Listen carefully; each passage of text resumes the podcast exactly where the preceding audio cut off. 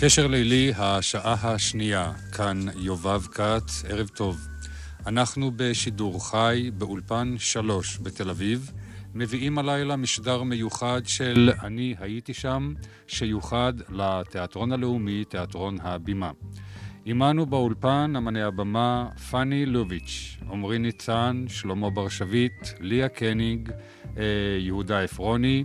עם מולה רודנסקי נשוחח בטלפון. מאזיני התוכנית, אתם מוזמנים לטלפן ולספר חוויות אישיות הקשורות במפגש עם התיאטרון. מספרי הטלפ... הטלפון שלנו 266-225 ו-210-235, שניהם בתל אביב. מאחורי מחיצת הזכוכית, יעל צדוק המפיקה, רובי אבוקסיס שעל הביצוע הטכני, מיכל מריאן וסמדר דגן עוזרות ההפקה. כן, אנחנו, אה, אני חושב, הגענו בדברים שלנו לשלב שבו מצטרפים הצברים לתיאטרון. נדמה לי שזה לא היה פשוט, זה היה כרוך באיזושהי מהפכה. נכון, אה, שלמה בר שביט? מהפכה גדולה מאוד. אנחנו במלחמת השחרור. מלחמת השחרור עשתה משהו למדינה הזאת. היא שינתה את כל הלך המחשבה, אני חושב, של המדינה. פתאום מתברר שהבנים חייבים לקחת חלק בחיי המדינה.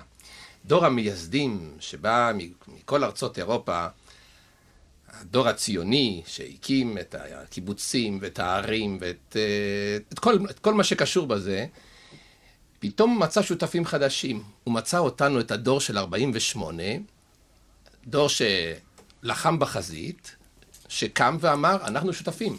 אנחנו הקרבנו קורבנות, אם אנחנו יכולים לנהל בגיל 23 חזית, לפקד על חזית ולהיות קציני מבצעים, אנחנו יכולים לקחת גם חלק פעיל בחיי מדינה. וכשמדברים על חיי מדינה, אז גם בתרבות, באומנות, בספרות ובתיאטרון. ופתאום, ותיקי הבימה, דור המייסדים, ראה את תלמידי בית הספר וחניכי הסטודיות הצעירים, שתמיד הופיעו בתוכניות עם כוכב אחד ועם שניים, אה, סטארים גדולים. הם חזרו מאמריקה ומצאו את כולנו בלהקות צבאיות, בבצ'יס בטרון, להקה ארצית, להקת הכרמל ועוד להקות, ואנחנו מוכרים על ידי אלפי חיילים, אלפי צופים, יש לנו הצלחה, ותיאטרון הבימה היה לרגע במבוכה. הוא לא יכול יותר לקחת אה, שחקן מבוגר, להלביש לו פאה על הראש ולומר, זה בחור צעיר, אלא הצעירים היו מוכנים לקחת חלק בתיאטרון. ב', הקמת הקאמרי הדליקה אור אדום בהבימה. מכיוון שפתאום הם ראו שהם לא התיאטרון היחיד. זה עד היום. תיאטרון, כן, ודאי. התיאטרון הקאמרי הצעיר, התוסס, עם הטון החדש, הדאיג את הבימה. והבימה פה עשתה מעשה בלתי רגיל. הבימה לקחה את התלמידים, את החניכים, והחליטה, אנחנו, כדי להישרד, אנחנו מוכרחים לעשות השתלה, לקחת את הדור הזה ולבלוע אותו. למה לנו? כי אחרת הרי בסופו של דבר מה היה קורה? היינו מקימים תיאטרון אחר. רוצים או לא רוצים? אנחנו לא רצינו בזה, כי אנחנו קשרנו את חיינו בהבימה, אנחנו ראינו בהבימה דרך חיים, אנחנו ראינו בהבימה השקפת עולם, אנחנו ראינו את עצמנו חלק מהבימה. אבל אם לא היו מקבלים אותנו להבימה, ולא לא עניין של קביעות או לא קביעות או קולקטיב, אלא הבימה כבית, הבימה כמקום לחיות, הבימה כמקום ליצור, אז אנחנו היינו מוכרחים ללכת. והבימה בלעה אותנו, ואם אתה מסתכל היום, אני חושב שמבחינה היסטורית הבימה עשתה מעשה חכם מאוד. היא נשארה למעשה כמוסד אומנותי, כן? בעל רצף היסטורי עד היום. אם אתה מסתכל אחורנית, אנחנו קיימים. כן, אני חושב שהמחזה, ההצגה, שמבטאים את המהפך הזה, זה המחזה של יגאל מוסנזון בערבות הנגב, אולי נשמע קטע מתוך ההצגה. רובי ישמיע לנו קטע מתוך בערבות הנגב. חברים, אני קיבלתי מהצבא, מהקיבוץ, את מלוא הסמכות. וקראתי להתייעצות ולהחלטה משום שקיבלתי את הסמכות להגן על המשק ולא לפנות אותו. באשר לך, איתמר, אתה זורע רעל בלב אנשים, ייאוש וחוסר אמונה. אילו היינו צבא ולא קיבוץ, חייבים היו למצוא צורת טיפול מתאימה לידם מסוגך. מה היית עושה לי? אני רוצה לדעת כיצד היית מטפל בי. מה הדיבורים הללו? די. אני רשאי לחשוב ככל העולה על רוחי. איש לא יכריח אותי לשתוק, לא באיומים ולא בכוח. חדל, חדל, איתמר, אי אפשר כך. אברהם, עליך לחזור מדבריך. לא ייתכן שתקרא לחברים להתייעצות ותפסול מראש את איתמר כראוי להתייעצות. זאת אין זו דרך לפי דעתי. למרות שאינני מסכימה לדברי איתמר. אני מצטער. הוא חבר המזכירות ואינני כופה עליו שיסכים לדעתי. אתה הוא היודע שלא הסכמתי לדבריך גם בעבר. לא רציתי להוריד מסמכותך לעיני מפקד הפלוגה. אולם עכשיו מאוחר מדי. אתה הורס את הקיבוץ. אתה. אתה מעדיף אמביציה צבאית מפוקפקת על הקיבוץ כגוף חי. אני רשאי להמשיך, המפקד. הפסיקו, חברים! הפסיקו! איש אינו מפריע לך. תודה. דבר איתמר. תודה. אני מודה בעבור הזכות שעדיין מרשים לי לומר כאן משהו. אני רוצה לדעת מדוע לא הוציאו את הפרות מהמשק. מדוע שרפו את השדה מבלי להתייעץ איתי? מדוע לא העבירו את הטרקטורים בזמן? אני שאלתי ואני רוצה לקבל גם תשובה. מדוע, מדוע? הקשיב רגע, בן אדם. מדוע אלה שהקימו את המדינה לא הכינו לך מרגמות? לא הכינו לך תותחים? מדוע לא הכינו לך אווירונים? הרי במה לחמנו לכל הרוחות, בידיים ובסטנים. מי האמין שכך יתפתחו הדברים? מי האמין? הרי אם לא נכה את הפולש לא יהיה גם משק, גם משק לא יהיה, הכל ייהרס. שוב הזמזום הזה. אווירונים. כן, בערבות הנגב. מחזה שבאמת היה אה, נקודת מפנה במסלול של הבימה. אה, יש לנו מאזינים שמטלפנים ואנחנו ניתן להם את, אה, את אה, זכות הקדימה. הלו? הלו? ערב טוב, ערב טוב. כן. אה, אולי, מד- סליחה, אולי תציגי את עצמך? בבקשה. כאן מדברת אורה הירש, כן. לשעבר אורה כהן. מגבעתיים. כן. אז רציתי לספר על אל תחילות שנות ה-40, אז היינו ילדים. אני, אני בעצם חניכת בית חינוך עיוורים לשעבר. את עיוורת? נכון, כן. אמת. מילדות? אה, כן.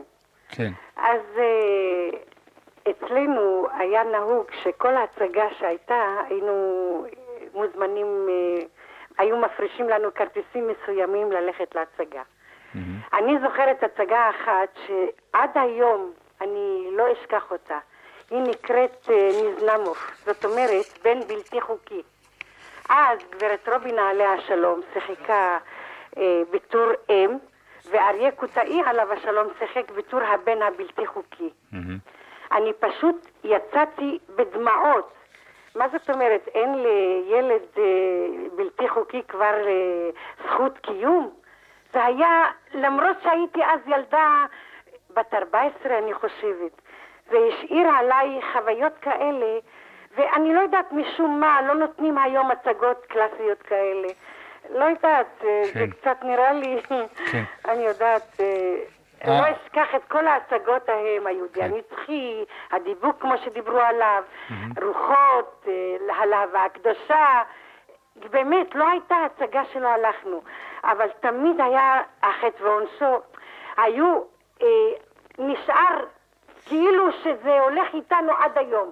אני יכולה לספר לך, אדוני, מכל הצגה והצגה שראיתי, לשבת ולספר לך את זה ממש. כן, אני, אני רוצה לשאול אותך, משום שזו באמת נקודה מאוד מיוחדת ומעניינת, אה, דווקא משום שאת עיוורת. בבקשה. את, אה, את אה, באת לתיאטרון, נכון. ובעצם שמעת את הדברים ולא ראית אותם, נכון? לא, לא. לא. אה, אה, תראה, אדוני, אם להיות קצת, אם להיות כנה, הגבלה אה, מוגבלת בראייה, אבל זה אפסי, זה אפסי, ממש אפסי, אפסי. אה, הראייה ש... שאני רואה זה ממש אפסי. אה, צללים, ללכת, לבוא, ככה. זאת אומרת, לראות מימיקה או דברים כאלה, בשום פנים ואופן לא. כן, אבל, אבל אה, אה, אפשר לומר שכשישבת שם בספ- בספסלים, את, גם אם לא אה, ראית, לפעמים. את בוודאי חשת, נכון, את הדברים? בהחלט. אני אומרת לך, היינו יוצאים בדמעות, וממש היינו חווים את אותה חוויה. למשל, הגברת רובינה הייתה האם, אז הייתי מרגישה איתה כאילו שזה אני. כן. או, או למשל האריה קוטאי, היה אה, ממש בוכה מדוע אינם מכירים בו בתור הבן, כי היא נישאה למישהו אחר והוא סירב לקבל אותו בתור בן, כי הוא נולד כן. בתור בן בלתי חוקי. אז הייתי בוכה, מדוע אין לו זכות קיום? מה זאת אומרת? אם קרה המקרה אז כבר אין לו זכות קיום בעולם? יפה, זה באמת דרך דברייך שנאמרים כל כך אה, בחום ובכנות. זה אפשר, ממש כנות. אפשר לחוש רוצה- מה יכול לעשות תיאטרון לצפיו. זה משהו, אני אומרת לך, עד היום, וזה כבר שנים, ב- בתחילת שנות ה-40, אדוני. כן. אני זוכרת מילה במילה בהצגה הזאת מזנמוף. או אותו הדבר בלהבה הקדושה, או אותו הדבר ברוחות של איבסן. יופי. אורה, כן, אדוני. אורה, אנחנו אה, עושים מרוץ עם מחוגי השעון, אז ברור, אנחנו... ברור. אני מודה לכם שהכנסתם אותי לשידור. אני מאוד מאוד מודה לך, רב תודות, אדוני. ולילה טוב. לילה טוב. כן. אה, יש עוד אה, מאזינים על הקו? הלו? ערב טוב. ערב טוב יובב. בבקשה, כאן אם... מדברת דבורה. כן, דבורה. אני רוצה לספר על הקשר המיוחד שהיה לוותיקי תיאטרון הבימה עם חברי כפר גלעדי. אה, יופי. אני הייתי אז בילדה, גדלתי בכפר גלעדי מספר שנים, עד גיל 10-11 בערך, ואני זוכרת את הביקורים של ותיקי התיאטרון, בעיקר פאני לוביץ', פינקל, אה, בת עמי, ובעיקר מה שאני רוצה לספר זה על מסקין. כן. מסקין בימי חופשתו מהתיאטרון היה מגיע לכפר גלעדי לחופשה. ואחד הדברים שאני זוכרת כילדה אה, זה עזרתו לדודתי חיה קרול שעבדה אז בלול. הקשר שלהם המיוחד היה עם המשפחה, משפחת קרול אליעזר וחיה קרול, וחיה קרול היא אחות אמי. ואני הייתי הרבה מסתובבת איתה בלול. אז, בימים ההם, היא הייתה נוהגת ללכת אל המטבח, לאסוף את השיירים אה, מהרוחות, ה- מהרוחות שניתנו שם, והייתה בשני פחים סוחבת את זה אל הלול. ומסקין היה נוהג בח- בחופשות שלו אה, לעזור לה, ויום יום הוא היה מגיע איתה שלוש פעמים ביום לכל הארוחות אל המטבח, ועוזר לה לסחוב את הפחים מהמטבח אל הלול, שזה היה מרחק די גדול, ואז כבישים לא היו ולא מדרכות, ובוססו בבוץ, ו...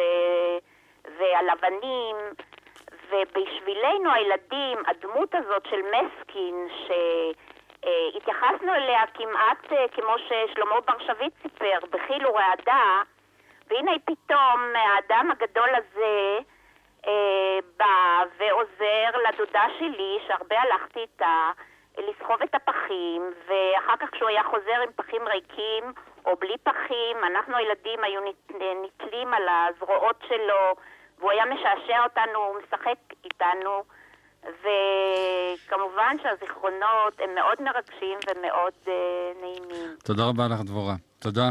שלום, ולילה. טוב.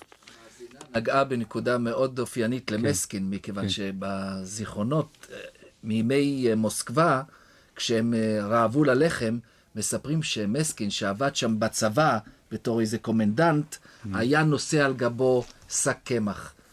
אז כאן אני רואה את הקשר. כן. את הטיית השכם. היה מביא לשחקנים. אני, אני רק אה, רוצה פה לומר, באמת הבימה התברכה בהרבה שחקנים, בדמויות אה, נהדרות, ואנחנו מקוצר הזמן לא נזכיר את כל השמות ולא נדבר על כל האנשים, אם כי יש הרגשה שאנחנו אנחנו באיזשהו מקום חוטאים, משום שיש ברטונו ויש ניניו כבמאי ויש ויש ויש, ויש באמת אה, אה, מכל ה... אה, מכל הכיוונים אנחנו לא נוכל לעשות פה צדק עם כל מי שמגיע לו, ואני מתנצל על כך. כי יש, יש גם תגובות של מאזינים שמתרעמים, אני מבין את ההתרעמות, אבל אי, אי אפשר בשעתיים הללו באמת לעשות צדק אה, שלם בעניין, ואנחנו פשוט ככה מסתפקים בזריקת אור פה ושם בסיפורן של חוויות.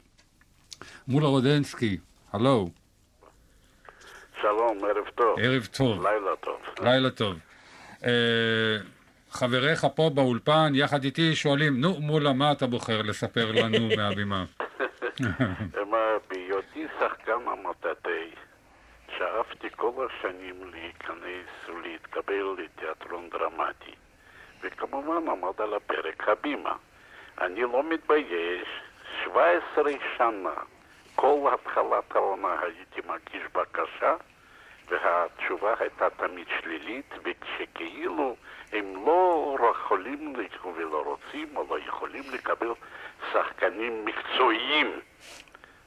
יש לנו סטודיה, וזה יתפתח במשך הזמן, אבל לקחת שחקנים מקצועיים זה יכול לקלקל את הפירמה של הבימה ממוסקבה. והנה, ביום בהיר אחד, אחרי כל כך הרבה שנים, נסעתי, הייתי מוזמן לשחק ביידיש בתיאטרון אצל מורי שוורץ. שיחקתי שנה, כשחזרתי, אינני יודע מה קרה. כמובן זה הודות פינקל, אה, גלסן היה בהנהלה, ופינקל הציג אז את שאול המלך. וביום בהיר אחד, הודות פינקל, הוא ניגש, מסקי, זה, גלסן שאל אותו פינקל, מה יהיה עם מולר רודנסקי? הוא אומר, אוי, אני מציג את שאול ואני יכול לקבל אותו. והנה אני התקבלתי לשחק, וזה היה המחזה הראשון. אמנם המחזה לא הצליח, הלך ארבע-חמישה פעמים, אבל ההתרגשות הייתה גדולה ואני התקבלתי להבימה. לזה אני שאפתי 17 שנה. כן. בהבימה שיחקתי כל מיני תפקידים, והנה פתאום לעת זקנתי, ככה אומרים, בן 62, פתאום בא העניין הזה עם גודי כנר על הגג. וזה היה, כמו אצל כל שחקן, יש הרבה תפקידים, אבל זה כן שיא. מולה רודנסקי, תודה. נפנה אלייך, אה, ליה קניג. את אה, בעצם מייצגת את העולות החדשות שהצטרפו לבימה. ספרי לנו על כניסתך לתיאטרון. קודם כל תרשו לי להגיד לילה טוב. לילה טוב, כן. הצטרפתי קצת מאוחר יותר, כי באתי מחזרה, ואני מקווה ששומעים אותי, כן? כן, שומעים, בוודאי, כן. אה, ובכן, אה, על מה את עושה חזרה דרך אגב? על החווה של קרויץ. מתי זה נפתח? אה. אה, המנהל אומנותי בשלו. ובכן, אה, אני הצטרפתי להבימה ב-1961, אז עליתי ארצה, ואני מוכרחה להגיד שאני לא יודעת אם יהיה זמן לכל הסיפור שלי, כל הביוגרפיה, כל ה... אבל uh, האמת היא שכשעזבתי את רומניה, מכיוון שאני uh, נולדתי בבית של שחקנים, um, אמי, כשנסעתי, אמרה לי, תשמעי, יקירתי, אם כבר את עולה ארצה, אז המקום היחיד שאת צריכה לשאוף להיות בו זה תיאטרון הבימה.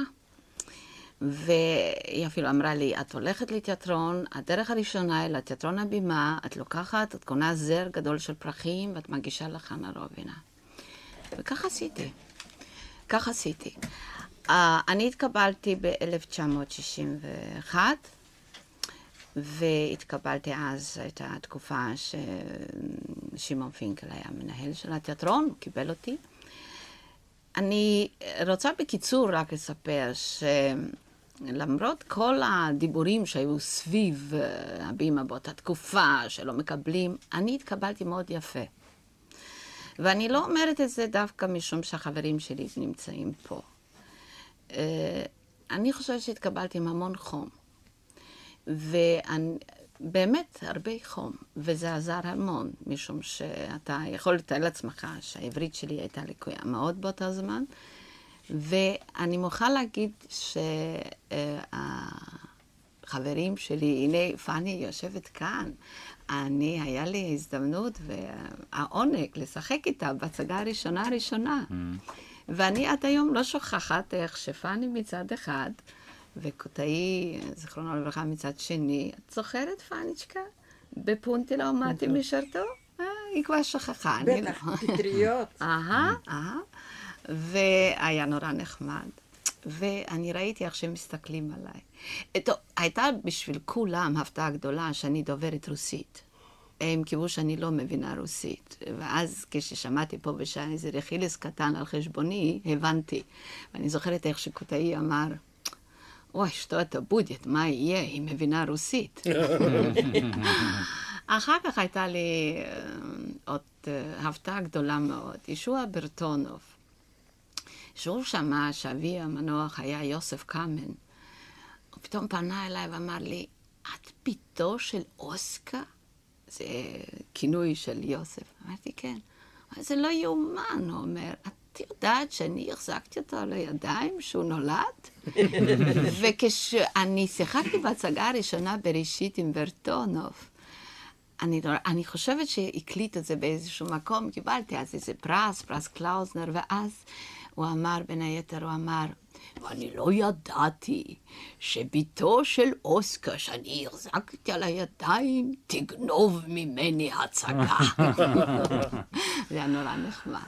כן. Uh, אני מוכרחה להגיד לכם שאני נורא שמחתי פה לפני כמה ימים. במקרה שמעתי ראיון בתוכנית אחרת של שחקן צעיר, שהוא הודה, הוא היה אצלנו בתיאטרון בהבימה, והוא הודה, ש, ש, שאלו אותו, אה, חיים קנן שאל אותו, לאיזה תיאטרון היית רוצה להצטרף הפעם? אז הוא אמר, בכל זאת הייתי בוחר עוד הפעם בהבימה. כן. מעניין אותי באמת, אה, בשעתו היית נקלטת, והעניין של הקליטה מאוד היה ככה חשוב לך. איך המצב היום באשר לקליטת שחקנים חדשים? את מלווה את זה באיזשהו אופן? זאת אומרת, אם אני, אני לא יכולה לבחור בהם, הוא יושב כאן על ידי. אני, אני... לא מדבר על בחירה, אני מדבר על קליטה, על קליטה. אני, אה, עולים חדשים, אני חושבת שמאז שאני עלי, עליתי ארצה, הרבה, הרבה עולים חדשים נקלטו לתוך התיאטרון הישראלי. אה, תראה, זה עניין משנה מקום, משנה מזל. זה עניין של שפה, עניין של כישרון ועניין של, אה, ודאי שזה לא קל, עניין של, אה, כמו שאומרים, סטייל של משחק, אם הוא מקובל עלינו או לא. זאת אומרת, בתיאטרון הישראלי. אבל אני חושבת שהתיאטרונים היום הרבה יותר פתוחים לקבלת עולים חדשים. כן. ויש כמה, יש מקרים די ככה בולטים בתיאטרון הישראלי. אני רוצה שוב להעביר אתכם לאחד המחזות המוסיקליים, כדי קצת ככה לשנות, אה, לשנות אווירה, קצת להתרענן. אופרה בגרוש, אבל לפני שאני משמיע איזה קטע מאופרה בגרוש, הייתי רוצה ש... ש... שאנחנו מכ... נשיר אולי? אה, בבקשה. בצד. מי מכם היה מעורב בהצגה הזאת? איזה מהם? אופרה בגרוש. איזו גרסה? באיזו גרסה?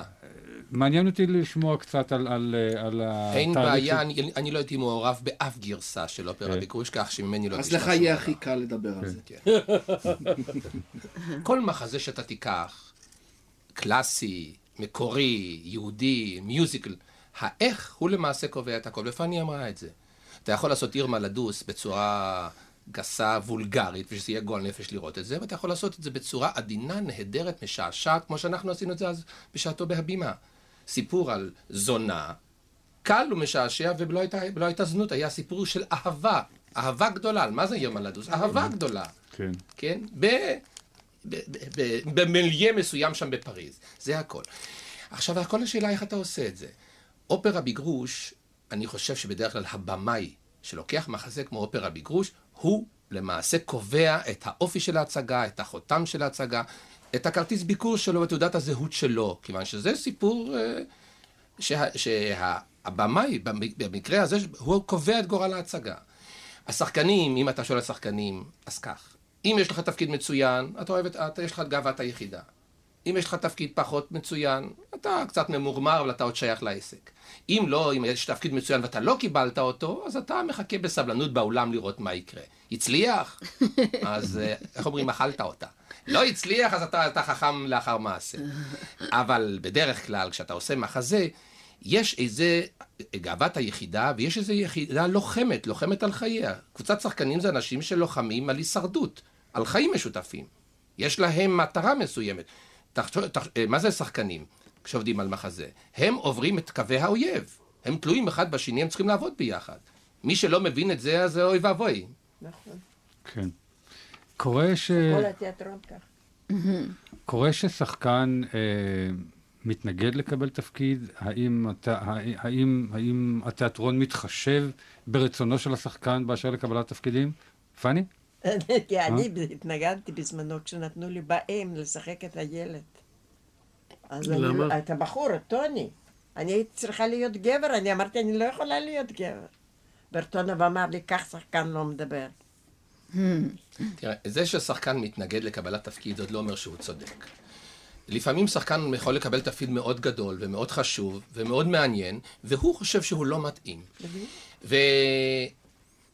ומשכנעים אותו לעבוד, והתהליך של העבודה, דווקא בגלל זה שהוא עובד בחומרים שהוא לא רגיל אליהם, ודווקא בגלל זה שהוא חייב, הוא חייב להילחם בהרגלים שלו, ובנטיות שלו, ובהצלחות הישנות שלו, הוא פתאום מגלה בעצמו תכונות ומצבים חדשים, ועושה תפקיד חדש לגמרי. כי מה, אם אתה, תראה, אתן לך דוגמה, אני למשל בדרך כלל משחק בשנים האחרונות תפקידים של אה, דמויות שליליות, טיפוסים שליליים. בשעתו הביאו אותי לצוואתו של כלב, וההנהלה הכריחה אותי לשחק את הבחור הצעיר, הברזילאי, הצעיר, הקטן, תפקיד נחמד. אני לא רציתי לשחק אותו. ותפקיד ראשי, זה לא שאני נעלבתי שהעליב אותי, תפקיד ראשי במחזה. אני אמרתי שזה לא מתאים לי. שכנעו אותי לשחק, והיו לי בעיות קשות אישיות. כיוון שאני עסקתי בחומרים שלא הייתי רגיל אליהם. ואני מוכרח לומר שעבדתי אז עם מילו, ו... והמחזה הדיר שינה מעיניי, מכיוון שאני ראיתי שאני באיזשהו מקום לא, לא תופס את קצה החוט לאן אני צריך ללכת. אני לא אספר לך את כל הלבטים שלי, אבל כשהמסך נפתח, התברר לי שאני מצאתי בתוכי דברים שאני לא האמנתי שאני מסוגל לעשות. אז כשחקן, זה העשיר אותי, גרם לי לחוויה. אני היום עושה דברים של, שבזכות התפקיד הזה אני יכול, מאמין בכוחותיי שאני יכול לעשות, וככה זה לגבי כולם. זה ששחקן אומר אני לא רוצה, זה עוד לא אומר שהוא צודק. ואם תשאל את עומרי, הוא יביא לך אלפי דוגמאות כאלה. למה אתה אומר את זה בנוכחותו? מקלקל אותו. רבותיי, נשמע קטע מאופרה בגרוש. גבירות ואדונים, אנו מגישים לכם פזמונים מתוך אופרה של קבצנים. היות ואופרה זו צריך שתהיה כה מפוארת, כפי שרק קבצנים מסוגלים להעלותה בחלומם, וכה זולה, כדי שקבצנים יוכלו ליהנות ממנה, קראנו לה בשם אופרה בגרוש. יריד בסוהו. הקבצנים מקבצנים, הזונות מזנות, הגנבים מגנבים, וזמר הרחוב שר זמר רחוב. שיניים, לא שיניים,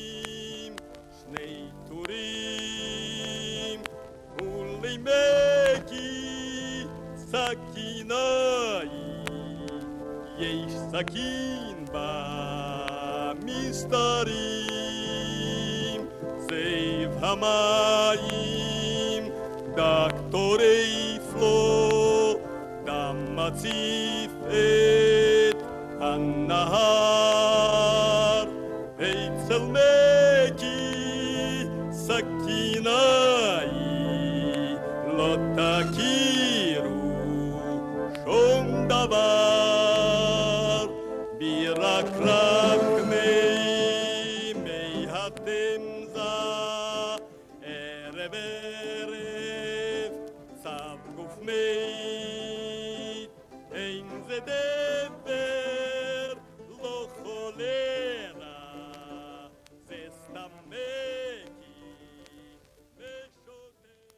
כן, צלילים מוכרים שחזרו על עצמם בווריאציות שונות כמה פעמים בתיאטרון העברי.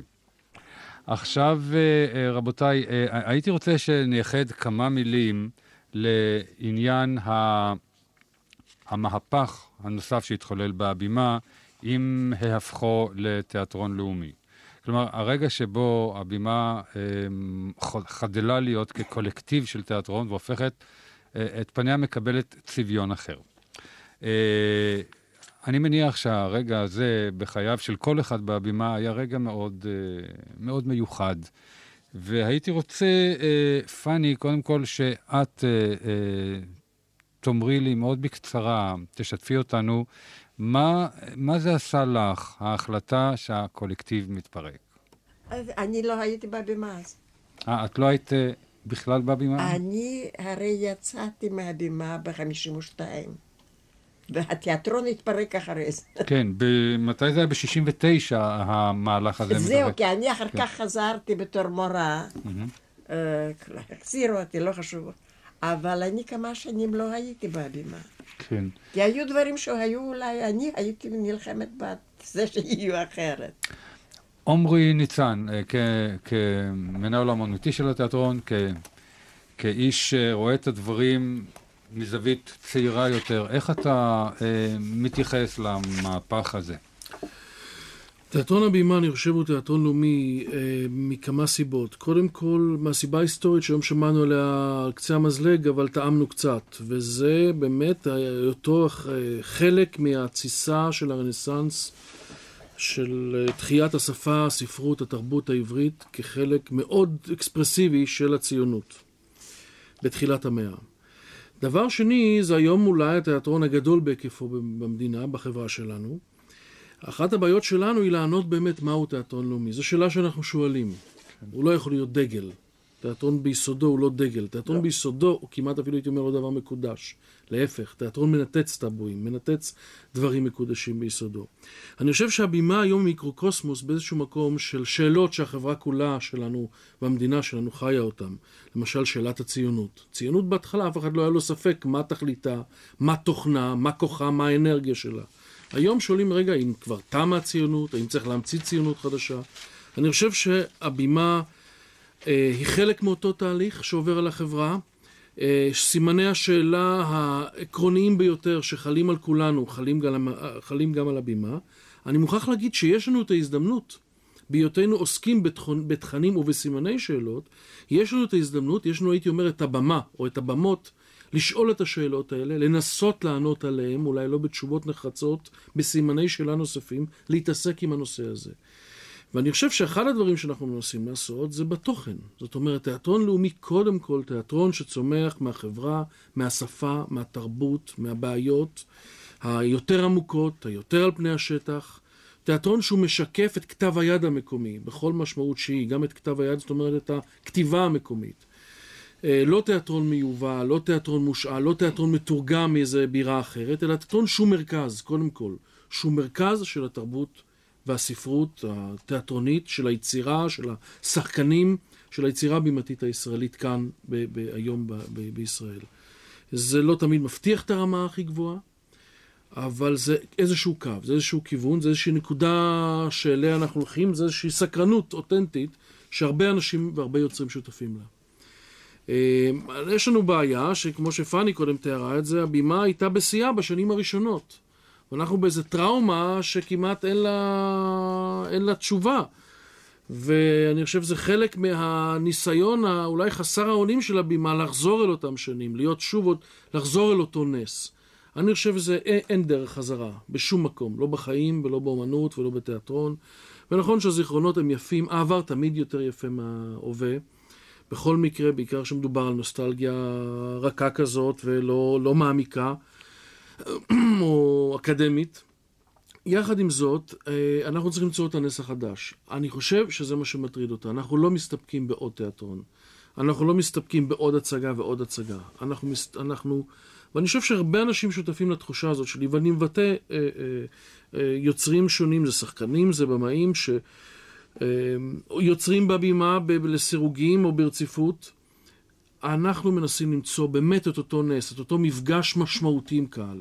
אותו מפגש שיעשה לחברה שהיא באמת באה לתיאטרון, היא מציפה את התיאטרון במאות אלפים בשנה. אנחנו מנסים לעשות להם תיאטרון שירגש אותם, כמו אותה מאזינה שאמרה קודם, דיברה על שנת 40. עברו 45 שנה וכאילו זה היה אתמול. את הרגשת את ההתרגשות בקולה מהצגה שהיא ראתה לפני 45 שנה, והיא מנתה את ההצגות, היא מנתה את הבעיות, היא מנתה את השחקנים. אנחנו מנסים להיות, להיחרט כך בעיני הקהל, להיות כל כך משמעותיים כמו שזה היה לאותה מאזינה, להיות מין איזה טבעת בגזע של, של הקהל שלנו, זאת אומרת, להוסיף לו איזו חוויה משמעותית לחיים. ואני מקווה שכמה מחנכים שמעו את uh, התגובה של אותה מאזינה, והבינו כמה תיאטרון יכול להיות משמעותי, ונדבר אפילו מחוויה שלי, אה, באיזה סוג זיכרון חי, מוחשי ומשמעותי, אני זוכר כמה הצגות בנעוריי, וחלק נכבד מהם היה באמת בתיאטרון הזה. כן. יהודה עפרוני, אה, מה היה בשבילך פירוק הקולקטיב והמעבר ל... אני אשמיע. כאן דעה שקצת לא מקובלת על כמה מהחברים שלי. אני הייתי מאלה שמאוד שמחו על אה, פירוק הקולקטיב. אני מאלה שחושב שכשם שאדם צריך לשאוף להיות ליברלי, דמוקרט אה, בחברה מתוקנת, תיאטרון זה לא מקום להצבעות, זה לא מקום לדרך אה, ושיטת קולקטיב. אני בעד אבסולוטיזם נאור, בעד מנהל אומנותי. מנהל אומנותי יכול להיות טוב, יכול להיות יותר טוב, תמיד ניתן להחליף אותו, אבל השיטה של אה, קולקטיב היא טובה לימים ראשונים, לימים חלוציים, כשצריך ביחד אה, אה, להתגבר על כל מיני, אם בקיבוצים במכשולי טבע ואם בבעיות אומנותיות, אז טוב לעשות את זה ביחד בימים ראשונים, כשהתיאטרון הוא בתהליכי בראשית. אבל לאחר מכן, אני נוטה לשיטה הנוכחית. הזאת. שלמה? אני חסיד גדול של הקולקטיב. יסלח לי ידידי עפרוני, אבל באמת השקפותינו מנוגדות. אני חושב שהתיאטרון הוא תמיד בימים ראשונים, הוא תמיד נוצר מחדש. אני בעד קבוצת שחקנים לא גדולה, אבל גרעין שחי יחד, נכון. שהולך יחד, שמוצא את הטון שלו, את הסגנון שלו, ש... יש להבדיל בין שני דברים, בין קולקטיב אה, כשיטת הניהול של התיאטרון ובין אנסמבל במס... כל כמסגרת אומנותית. אני בעד אנסמבל אה, במשחק, אה, ביצירה. סליחה. הביחד ביצירה. אבל מה קורה? כאן שפכו... טוב, אנחנו מדברים על תיאטרון, אנחנו לא מדברים על דגם שלא קיים, אנחנו מדברים על תיאטרון הבימה שהיה לו מבנה מסוים. במקרה הזה שפכו את התינוק עם המים. או, או, או. שפכו את התינוק עם המים. אם היה גרעין, אני לא, אני לא אומר ששחקנים צריכים לנהל. נכון. זה אני לא אומר. אני לא אומר ששחקנים צריכים לנהל, ואני לא אומר ששחקנים צריכים להצביע. חס ושלום. נגד זה באופן מוחלט.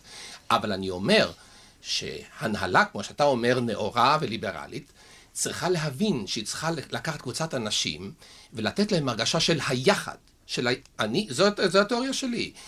הבימה בשבילי, אני כנראה, אולי, אני לא אגיד שאני חסיד שוטה, אבל אני התחנכתי על איזה מין השקפת עולם, ועדיין לא הוכח במשך השנים שמה שנעשה במקום הקולקטיב הוא יותר טוב. לא הוכח, לא מבחינה אומנותית, לא מבחינה כלכלית ולא מבחינה חברתית, משום בחינה.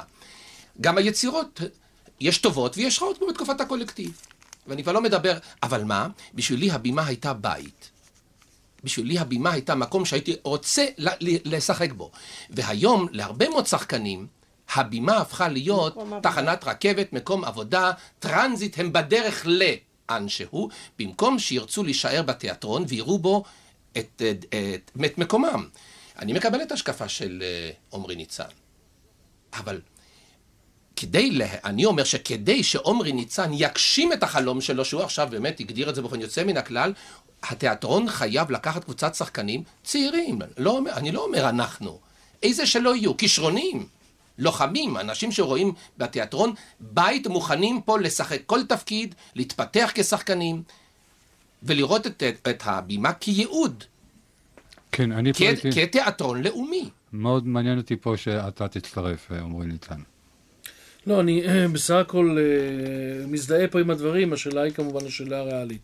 אני בהחלט מזדהה עם הדברים ש, של יהודה בעיקר, אה, לגבי אנסמבל. זה די, אני חושב שכל מי שעובר חוויה של הצגה אחת מבין שזה המפתח ל, ל, ל, לאותו מי שקודם הגדיר פאני או שלמלה את, ה, את המלחמה הזאת על ההצלחה, את החצייה מעבר לקווי האויב, זאת אומרת, אתה לא יכול להישאר שם בודד ונטוש, את האחריות ההדדית שיש, אה, ואני חושב שאנסמבל יש, בוודאי אה, אה, אין לי ספק, זה אחת המגמות שלי, ומי שקצת בוחן את הדברים במעט הזמן שאני בבימה, אז יכול לבחון שיש מגמות ברורות לגבי זה, הן לא תמיד הכי מוצלחות, הן לא תמיד נראות לעין מיד. אני מקווה שזה ייווצר. אני מנסה לרפד את זה בנתונים שייצרו את המצב הזה. לגבי הקולקטיב, זה בשבילי שאלה היפותטית. אה, זה נראה לי מאוד רומנטי, והנשמה ישר נוהה למין סוג כזה של חברותה וכך הלאה. אני אבל בהחלט מאמין, ולא דווקא מהעמדה שלי, שבאמת החלטות אומנותיות לא יכולות ליפול באספת קיבוץ. זאת אומרת, זה למעשה, זה דבר והיפוכו, זה סתירה. אה, ו... אבל זה אני אומר באופן תיאורטי לגמרי, אין לי שום אה, ניסיון בזה, ואני חושב גם שאין, זה היה נכון לזמנו, עכשיו צריך למצוא את הדבר, את התשובה הנכונה לזמננו. אני רוצה משהו. כן, בבקשה, פאני. אני באמת תמיד נגד שיטות, ונגד הכרזות, וכל הכרזה וכל סיסמה זה דבר יפה מאוד, אבל לחיות ככה אי אפשר. אני יודעת שליצור, ליצור חייבים יחד. אי אפשר ליצור לפי פקודה. לנהל לא יכולים יחד.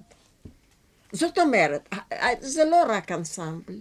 היו תקופות בבימה שלא יכלה להיות הצגה בחיפה וכאן, וכאן הייתה פרמיירה.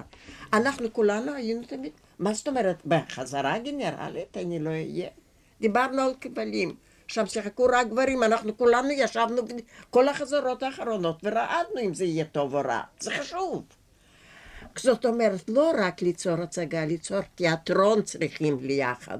ואני כמובן נגד שיטות שכאן משחקים ושם משחקים, אבל אנחנו רוצים שזה יהיה משהו. לנהל צריך לחוד.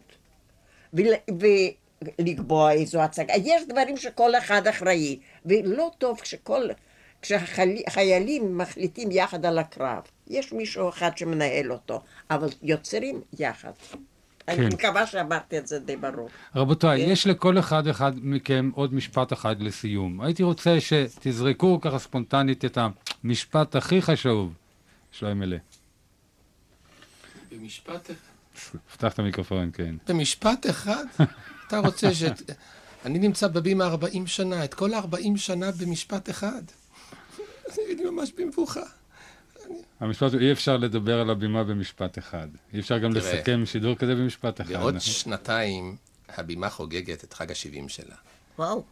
כן, תיאטרון שיכול להסתכל אחורנית ולומר, אני בן 70, כן, אני חושב שיש לו, היו לו נעורים נפלאים, ואני לא אגיד שיש לו זקנה מפוארת, כי אני מאמין שהתיאטרון הזה הוא רק בראשית דרכו.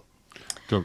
אני כן, גם כן כן, רוצה להגיד, כן. אני חושבת שעם כל הבעיות סביב התיאטרון, אני חושבת שזה דבר נפלא שהוא קיים, שהוא ישנו, שהוא יתקיים, ושהמקום הזה פשוט אה, פתח, כמו שאומרים, את הדרך לפי, לפי דעתי, לכל התיאטרונים שישנם היום בארץ. אני לא יודעת אם אנחנו בעצמנו מודעים מה, איזה, איזה אוצר יש לנו פה בארץ הזאת. כן. אני אה, אה, אסתפק במשפטים שלכם, שהיו יותר ממשפט אחד. גזלתם, גנבתם את ההצגה מהחברים שלכם. אבל ביטאנו- ביט- ביטאו את עמדתנו. כן. אני יודע. בהחלט. אה, ואפשר להצביע על זה אם כן. יש... זמננו תם. תודה לפאני לוביץ', למולה רודנסקי, ליה קניג, שלמה בר שביט, יהודה עפרוני, עמרי ניצן, לכל המטלפנים תודה. בפני אלה שהזמן לא אפשר לנו להכניסם לשידור, אנחנו מתנצלים. עד כאן 68 שנים לתיאטרון הבימה. כאן יובב כץ, הנפרד מכם בברכת לילה טוב.